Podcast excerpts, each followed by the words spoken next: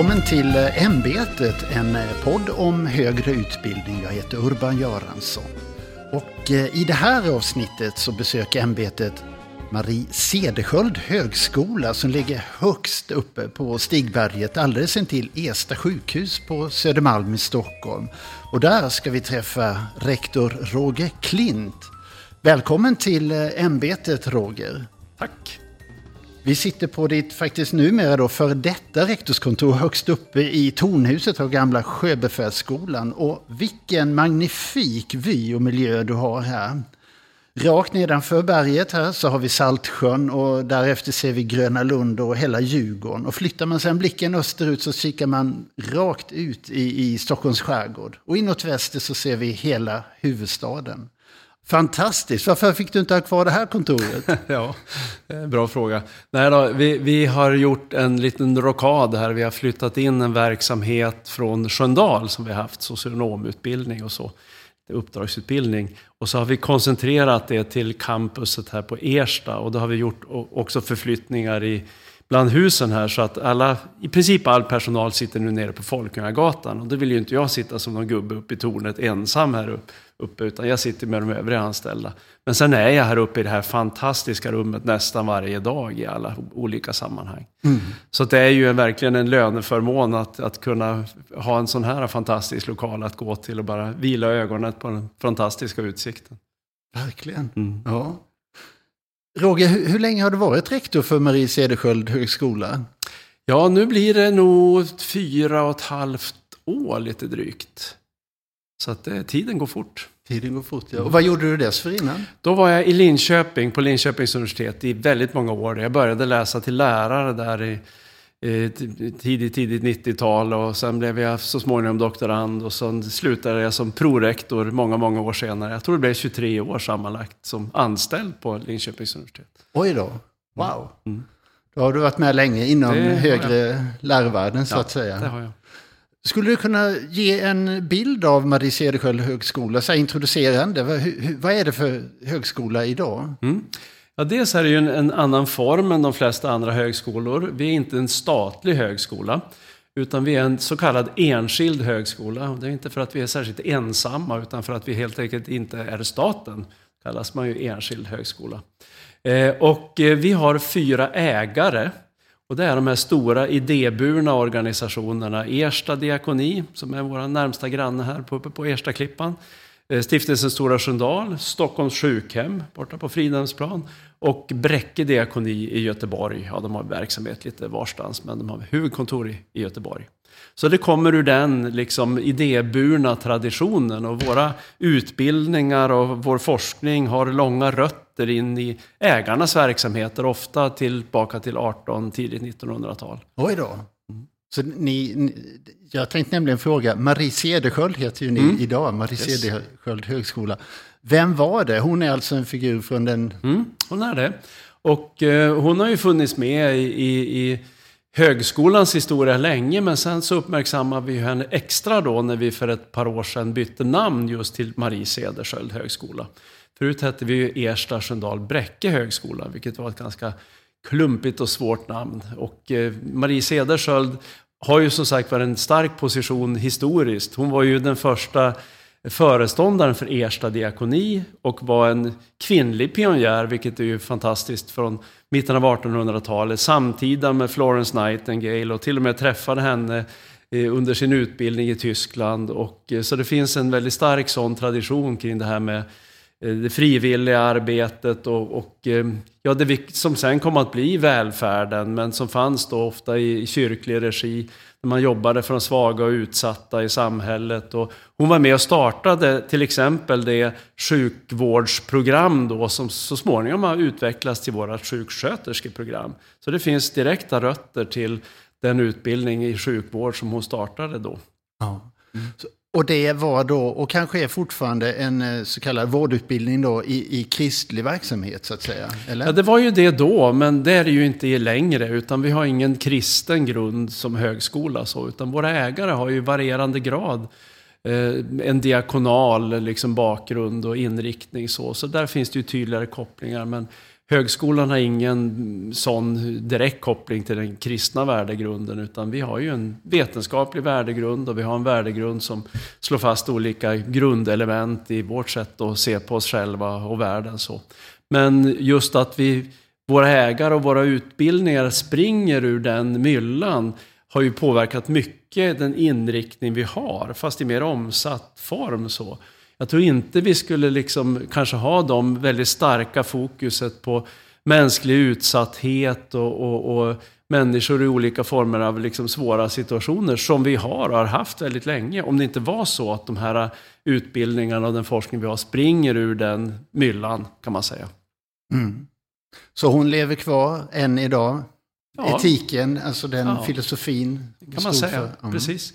Så mycket det här att, att, att uh, Eh, utgå ifrån ett, ett, med, med underifrån perspektiv, den utsatta människan och dess livsvillkor och hur kan man förstå mänsklig utsatthet? Hur kan man eh, också göra för att förbättra och förändra samhället i en riktning som gör att liksom, mänskligt lidande och mänsklig utsatthet inte blir så påtagligt och allvarligt. Det är väl mycket det vi gör. Och när man tittar på den forskning vi gör så ibland eh, brukar jag nästan lite skämtsamt prata om att vi, vi vältrar oss i elände i det mesta vi gör. Det är mycket palliativ vård och det är mycket våld i nära relationer och det är mycket liksom den typen av eh, som ju kan till synes verka väldigt mörkt och väldigt tragiskt när man tittar på vilka forskningsområden vi har. Men jag är väldigt stolt över att vi faktiskt gör en otroligt fin insats just i sådana områden där det är människor har det tufft och vi bidrar verkligen till att både förstå den, de situationerna, att också ge verktyg att förändra. Mm.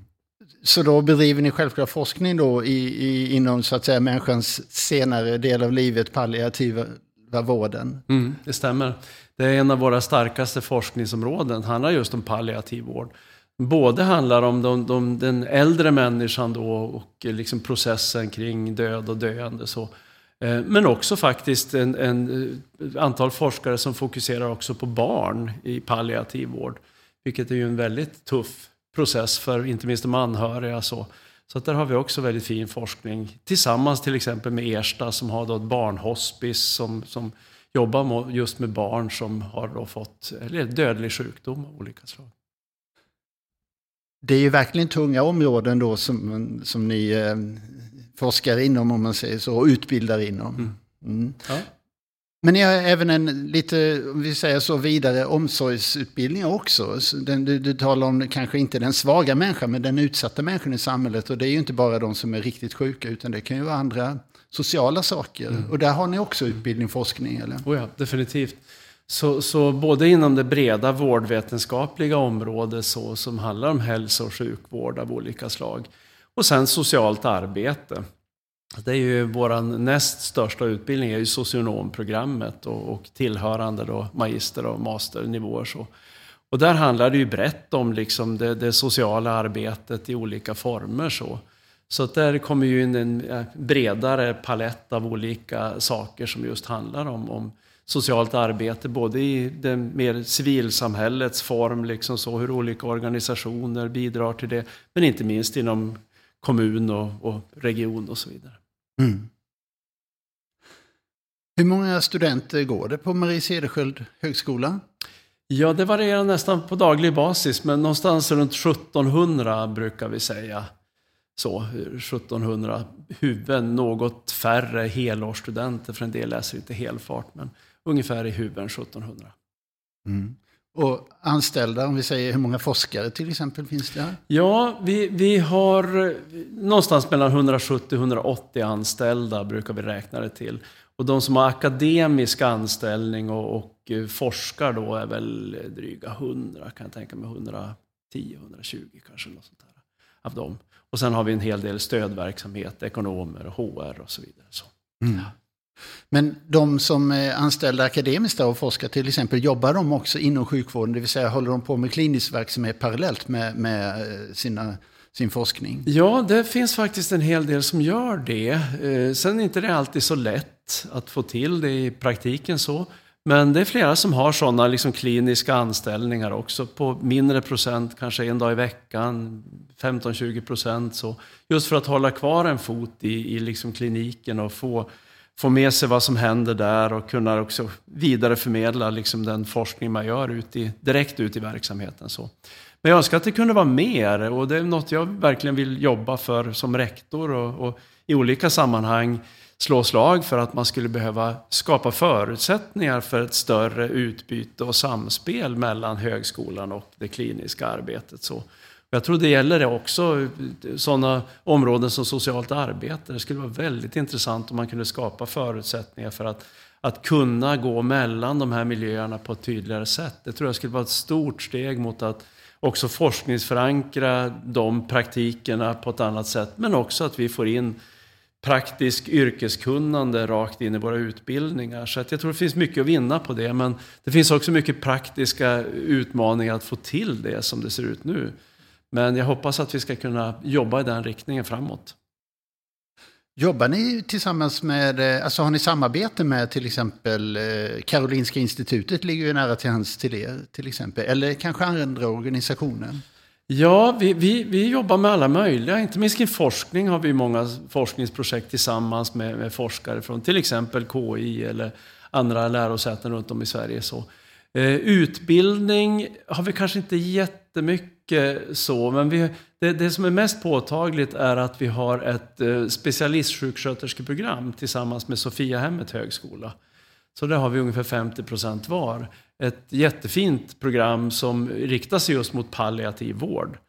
Eh, och det driver vi tillsammans, tar in ett drygt 60-tal studenter per år. Eh, och det, det är ett jättefint samspel mellan de här två högskolorna kring det. Och jag tror jättemycket på liknande sådana satsningar i framtiden. Ofta, inte minst när det gäller just specialistsjuksköterskeprogram, är det väldigt många som kämpar med att få sina program att gå runt. Det är ganska svåra förutsättningar. Och kan man slå sig ihop på det här sättet så får man en bredare lärarbas och en, eh, Eh, tror jag, är enklare att få ekonomin att gå ihop och du kan ha ett mycket större studentunderlag att jobba med. Så jag tror att det där är framtiden och jag tar gärna fler initiativ till liknande satsningar framåt. Ni skriver det på er hemsida och det framgår väldigt tydligt när du berättar också att eh, Roger, att det här är en skola, utbildning, forskning för människan tjänst, så att säga. Ni jobbar för, i människans tjänst, så att säga. Det är väldigt ovanligt, för att säga, inom den här världen. Ni är så uttryckligen ute i den etiska världen och tar hand om den. Präglar det medarbetarna, tror du? Ja, jag skulle säga definitivt att det gör det. Jag har ju då lite att jämföra med. Jag tror det är väldigt många etiskt eh, medvetna och engagerade personer på alla lärosäten och definitivt på mitt gamla lärosäte Linköpings universitet hade vi väldigt mycket av det. Men i, i utgångspunkten att, att, att folk söker sig hit för att man ofta har en väldigt stark idé om att man vill förbättra och förändra samhället. Och inte minst utifrån det här liksom människors utsatthet. Så jag tror utan tvekan att det finns en sån eh, liksom, tendens i, i, i hela personalgruppen att det, det, är så man tänker. Och det är så man tänker kring sig själv, sin egen insats, och man tänker också kring högskolan, att vi har en särskild roll kopplat till just det här. Och det, det är det man drivs av och tycker är spännande och intressant och viktigt att vara med i. Så det märker jag på många sätt att, att det är liksom, den profilen är inte bara något vi pratar om utan det märks väldigt tydligt också i, i hur folk orienterar sig. så i verksamheten. Mm. Sen är det ju så att, att, att vi, vi, det, det, är alltid en balansgång tycker jag det där. Att, att det är viktigt att ha en idé om att, att göra nytta och att liksom påverka samhället. Men jag tror att, att för att en akademisk verksamhet ska vara frisk och livskraftig och, och och, och liksom relevant behöver man också det här liksom kritiska, reflekterande förhållningssättet och en distans också till, till saker. så. Ehm, och det, det, det, vi brukar ofta prata om det här som motto, att vi både liksom utmanade för givet tagna, liksom oroar och ställer de här frågorna om att varför gör man så, varför kan man inte göra på det här sättet och utmanar, men också självklart är med och bygger och med och gör nytta, att vår kunskap ska komma samhället till del. Men de här polerna är viktiga, att både utmana det för givet tagna och att skapa nytta. Så att vi pratar ofta om det här och det tycker jag är liksom kvintessensen mycket av ett vetenskapligt förhållningssätt. Men vi har en, en, en stark liksom, passion just för det här med den utsatta människan och människan i fokus.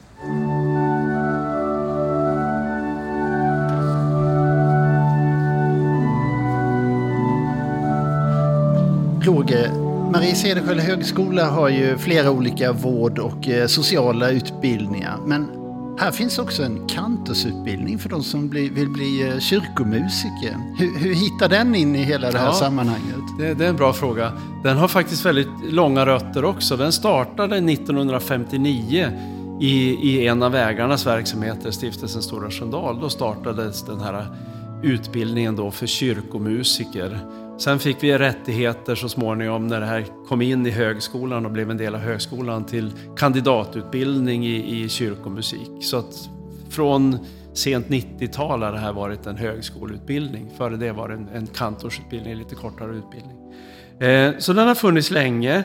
Vi har också teologi som är ju också springer ur det här med, med ägarnas verksamheter. Så, eh, för just den, den liksom kunnandet kring Bibeln och, och, den kristna tron, det var ju väldigt viktigt då för ägarnas verksamheter på 1800-talet. Och I omsatt form har det här med, med teologi och religionsvetenskap också var, blivit en del av högskolan. Så en liten utbildning dock.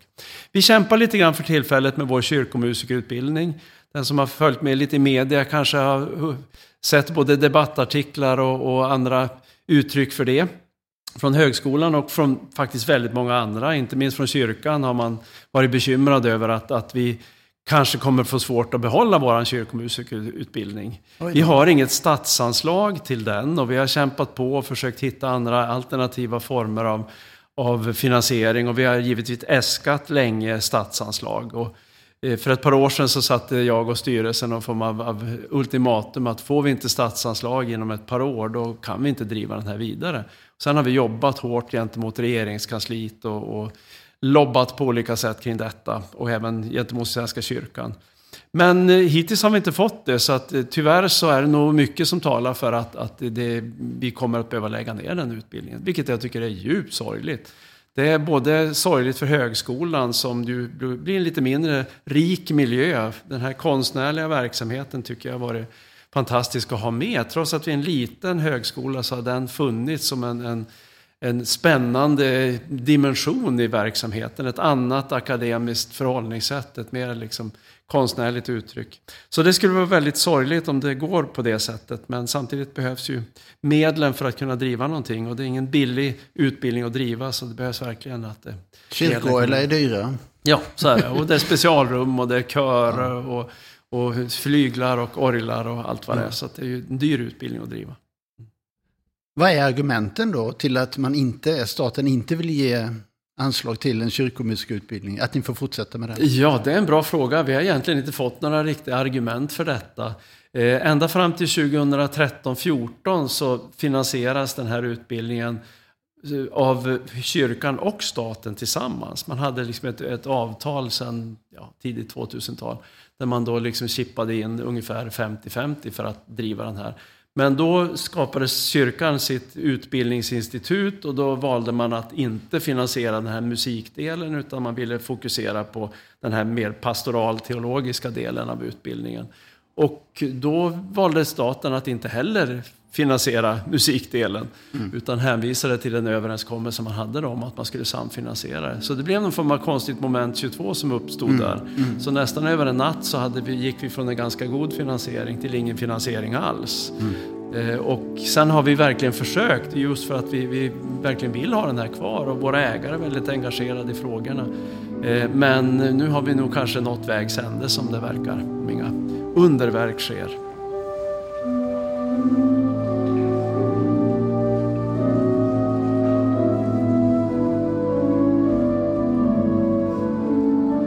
Marie Cederschiöld högskola är ju en privat högskola, ett aktiebolag. Du nämnde det tidigare att ni var fyra delägare. Yes.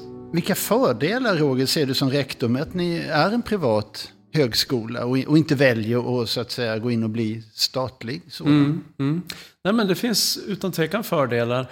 Det ska väl också sägas att även om vi är ett aktiebolag så finns det ingen vin, inget vinstsyfte. Vi, vi det är våra ägare är väldigt tydliga med det. De äger inte en högskola för att själva berika sig utan för att man vill påverka samhället via forskning och utbildning. Så att det, alla medel stannar i, i verksamheten och mm. återinvesteras om vi får någon peng över.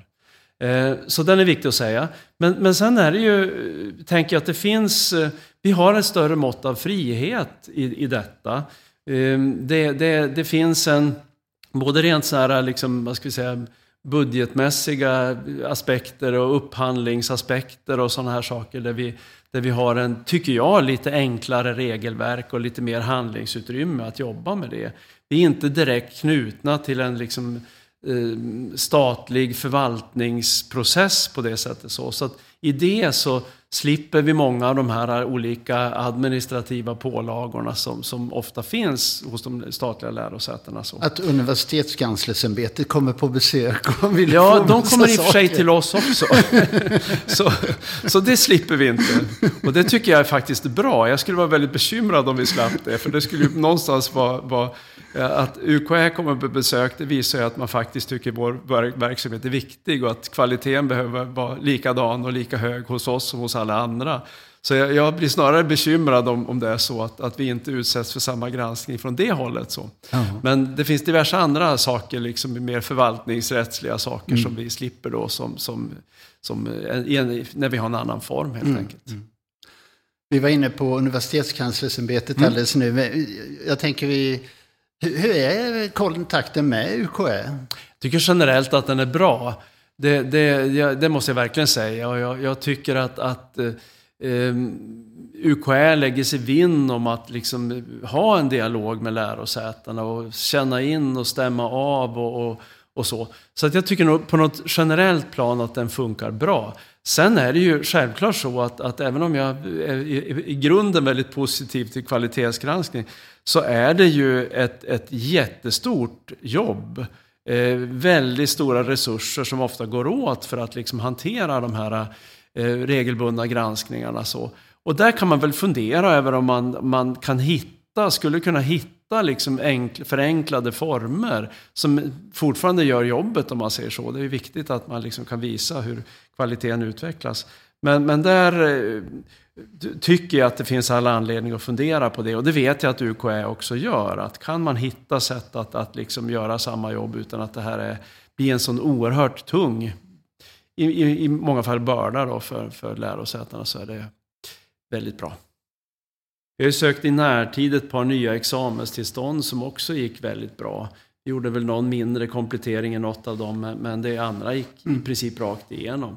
Så att ja, ja, det, har, det har verkligen funkat bra. Och vi lägger också ner väldigt mycket tid och energi på det. det, det vi prioriterar verkligen det. Och vi kanske behöver göra det som ett litet lärosäte också. Det, det, man behöver liksom visa på ett kanske ännu tydligare sätt att vi har en bra kvalitet.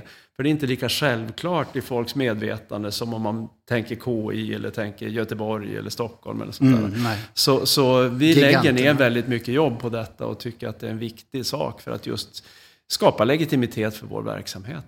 Och, och vi har också vid något tillfälle ställt frågor, att just att testa liksom att funkar det här upplägget och då kan man få hjälp av juristerna och så vidare och göra en bedömning och en granskning av sånt.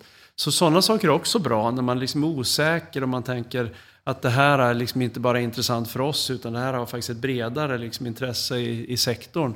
Och då har vi vid något tillfälle ställt sådana mer formella frågor och fått väldigt bra svar tillbaka. Så att, där vi uppfattar att det är en, det är en liksom bra relation och det är en stor öppenhet och, och beredvillighet att hjälpa till. Så det, jag tycker i allt väsentligt att det fungerar alldeles utmärkt. En stor pågående fråga inom högre lärovärlden handlar om akademisk frihet. Hur, hur, jobbar Marie Cedersköld och du i synnerhet som rektor med akademisk frihet här? Att den så att säga praktiseras på rätt sätt kanske, mm. men enligt den, det mm. sätt som du mm. vill också. Mm. Nej, men det är en viktig fråga och jag, jag tror att den är helt avgörande för inte bara vår legitimitet utan alla lärosätenas legitimitet. Eh, att, att eh, är det så att, att våra, vår kunskapsbildning på något sätt styrs av eller kan antas styras av andra intressen av än av kunskapsbildningen som sådan, då tappar vi vår legitimitet. Så det där är en oerhört viktig sak, att det är inte ekonomiska, det är inte liksom politiska hänsyn som ligger bakom vad vi säger och vad vi kommer fram till och vilka frågor vi ställer i vår forskning och vad vi undervisar om. Utan det är faktiskt ett, ett förutsättningslöst kunskapssökande. Så den är helt avgörande. Och eh, det finns ju väldigt mycket oroande tendenser i, i världen, både i USA och i Europa och, och kanske också i Sverige under de senaste åren här, där man faktiskt har anledning att vara bekymrad över detta. Och det där är något som vi ofta pratar om på högskolan och, och jag pratar också i, i, om det ofta gentemot vår styrelse. Så. Och, och, och, de kommer ju liksom inte från den akademiska myllan själv allihop och det tror jag är jätteviktigt för dem som ägare också att förstå vikten av att en högskola liksom upprätthåller den akademiska friheten och, och var, vilka konsekvenser det kan få om man inte gör det. Och jag tycker jag får en stor förståelse där och vi har också skrivit in väldigt tydligt i, i statuten kring liksom vad styrelsen fattar beslut om respektive vad rektor fattar beslut om. Att, att just de akademiska frågorna och avgörandena och vägvalen det ligger på rektor och den akademiska organisationen. Det är inte styrelsen som går in och styr vad vi ska forska om och vad vi ska komma fram till. Så det där har vi varit noggranna med att liksom få in också när vi ta fram våra grunddokument i detta för att vaka över just att, att det ska inte finnas någon, någon anledning att ifrågasätta vår integritet i detta. Mm. Känner du att, om vi säger så här, att den akademiska friheten är, är levande på Marie Cederschiöld högskola?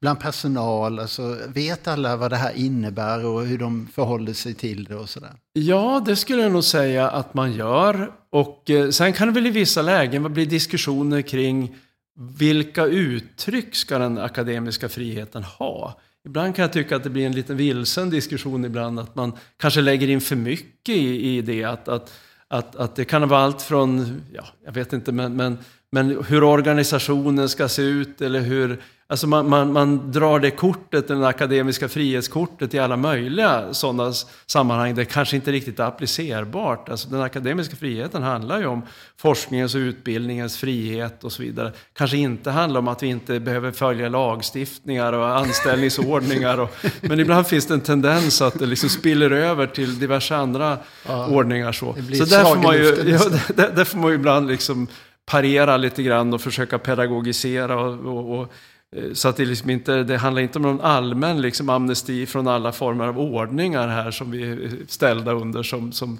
arbetsgivare och så vidare. Så, eh, det tycker jag för det mesta funkar väldigt bra, men, men där, där, har man ibland en diskussion. Men det är en väldigt stark liksom, patos för detta, så att skulle man utmana det, då skulle jag få definitivt veta det som rektor, vilket jag tycker är bra, att folk är på tå. Man vill verkligen liksom värna just den, den delen och det känns väldigt positivt. Roger, du har varit rektor här, Marie Cederschiöld högskola, i snart fem år. Om du skulle sammanfatta, vad, vad, har du som rektor för mål att utveckla för den här högskolan? Mm. Eh, ja, det, det, har varit en lång resa. Det var kanske, när jag startade här så, så var det nog saker jag tänkte att jag skulle göra som jag inte har gjort och vice versa saker som jag verkligen inte tänkte att jag skulle göra som jag har gjort mycket av. Så det är häftigt att bli överraskad ibland också. det vi har jobbat mycket med, förutom att liksom utveckla någon form av vision och strategi, det är ju att liksom få till ett, en, en, ett verksamhetsstöd, liksom en stabilitet vad det gäller ekonomi, en stabilitet vad det gäller HR och de här mm. sakerna. Så.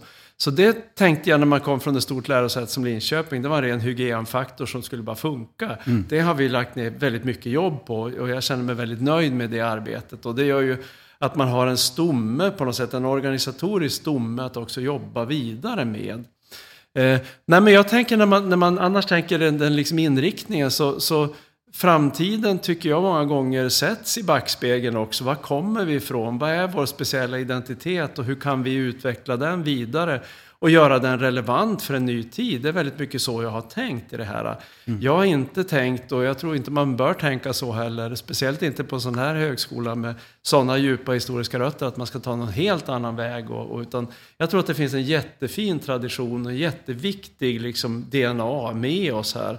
Och det handlar i mitt fall väldigt mycket om att liksom raffinera det, utveckla det, göra det relevant för en ny tid. Så.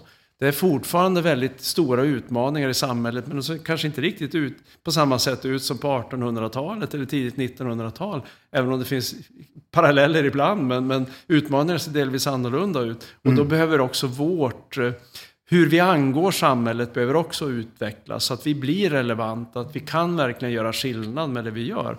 Så det är mycket fokus på, på just de här områdena, att, att hur kan vi liksom på ett tydligare sätt komma ut och bli synliga i samhället och hur kan vår kunskap på något sätt gå in i processer och, och så för att kunna påverka det. Det jobbar vi väldigt mycket och hårt med. Du sa med tanke på bak i tiden att det är en gammal högskola grundad i 1800-talet så att säga. Och eh, mycket av det värden och så finns kvar, det är eviga värden. Människan finns definitivt kvar. Framtiden kommer, men vi måste in i den. Och det är sådant ni så att säga anpassar er. Men jag tänker så här, ni, ni är en rätt unik skola med den liksom, etik och, och inriktning ni, ni ägnar er åt.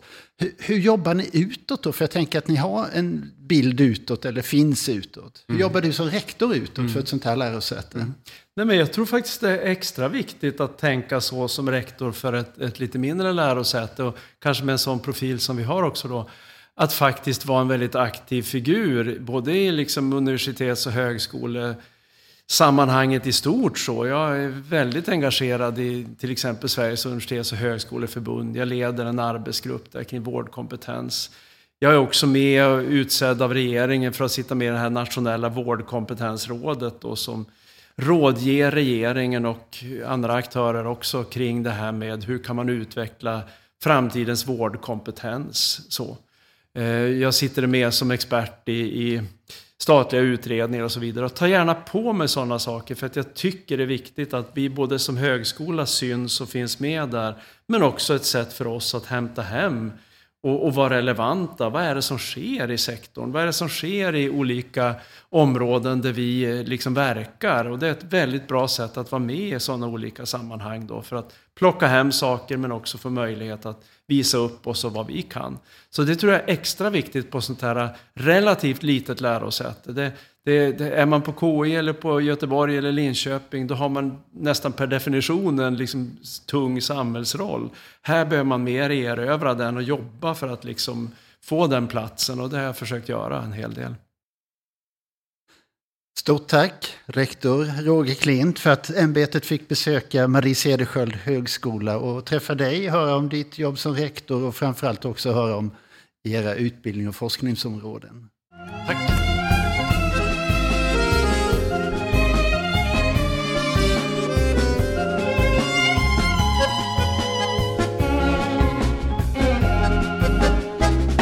Du har hört Ämbetet, en podd om högre utbildning. Ämbetet produceras av Universitetskanslersämbetet och i redaktionen ingår Urban Göransson, Leila Sobir och Karl Edqvist. Om du vill kontakta ämbetet så skriver du till e-postadressen press uka.se och besök gärna vår webb uka.se. Tack för att du har lyssnat och vi hörs igen.